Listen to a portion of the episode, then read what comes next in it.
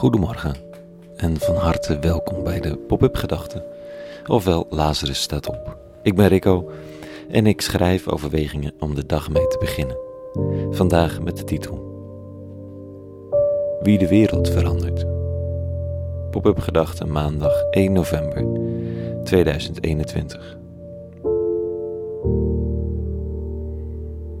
De klimaattop is begonnen. Den Haag formeert nog. Het is 1 november en we gaan de komende dagen veel horen over reizende zeespiegels, over de drama's die komen. Is het niet in ons eigen leven dan wel van de generaties die na ons komen? En dat gaan we meemaken, hè? zelf ook. Want hoe concreter en dichterbij de realiteit van klimaatsverandering, hoe groter de impact op hoe we samenleven, op ons mentale welbevinden en onderhuidse of bovenhuidse spanning. Wat vraagt zo'n tijd van ons? Nou, allereerst om de realiteit recht in de ogen te kijken. De werkelijkheid van wat er gebeurt op de planeet mag niet genegeerd en vraagt iets van ons eigen handelen. Het oude idee dat de aarde niet op kon, moet echt de deur uit. En dat betekent keuzes, steeds opnieuw keuzes. En leuk is anders, hè? Bedoel, de schakel naar vegetarisch eten kost echt moeite. Niet voor iedereen, maar voor velen. En dat vliegen dan, hè? Het gebruik van plastic, stallen van je geld, investeren in fossiele brandstoffen. Al die dingen. Is dat de oplossing? Nou, nee. Clubs als Extinction Rebellion zeggen terecht dat de blaming en shaming van de burger, de consument, hoort bij de tactiek van die verwoestende multinationals.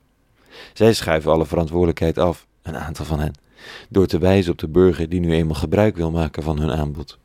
En met alle lobbykracht die ze hebben en alle marketingkracht die ze kunnen betalen, zorgen ze dat de burger en de overheid gebruik blijft maken van het aanbod. Ja, het gaat dus om onze eigen keuze en om het ontmaskeren van machten en krachten.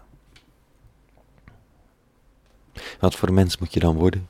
Iemand die altijd alle verpakkingen leest, die stad en land afspeurt naar voedsel zonder plastic, die loopt te klooien met afwasbare luiers en zo meer.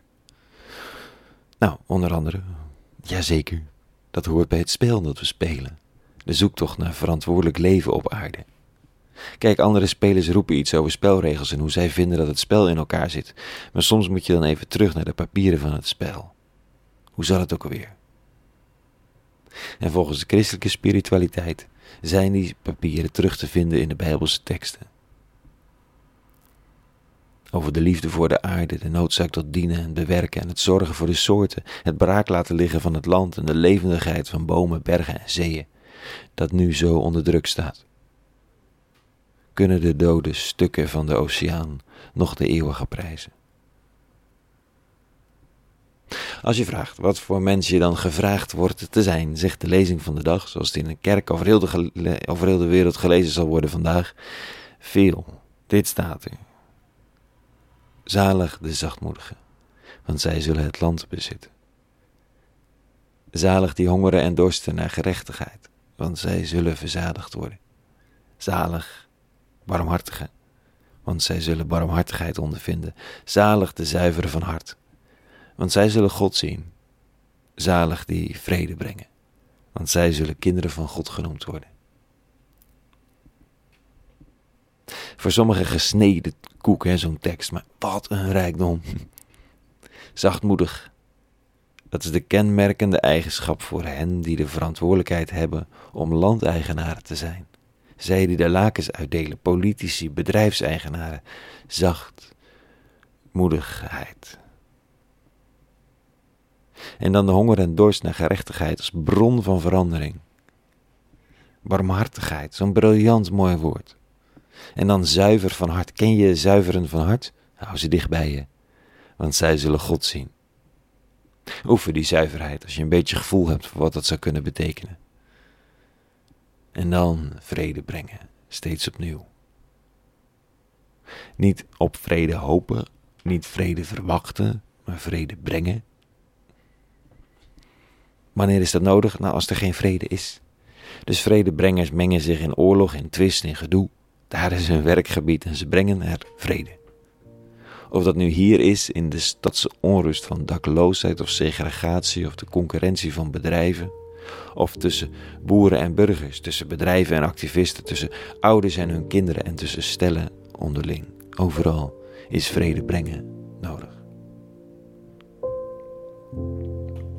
Aan dit soort types is de toekomst. Of, of zij zijn nodig voor de toekomst. Al dus Jezus van Nazareth. Zo verandert de wereld, ook in klimatologisch dramatische tijden. Tot zover. De pop-up gedachten van vanochtend. Een hele goede maandag gewenst. Vrede en barmhartigheid, zachtheid van hart en gerechtigheid gewenst. Morgen weer een nieuwe pop-up gedachte.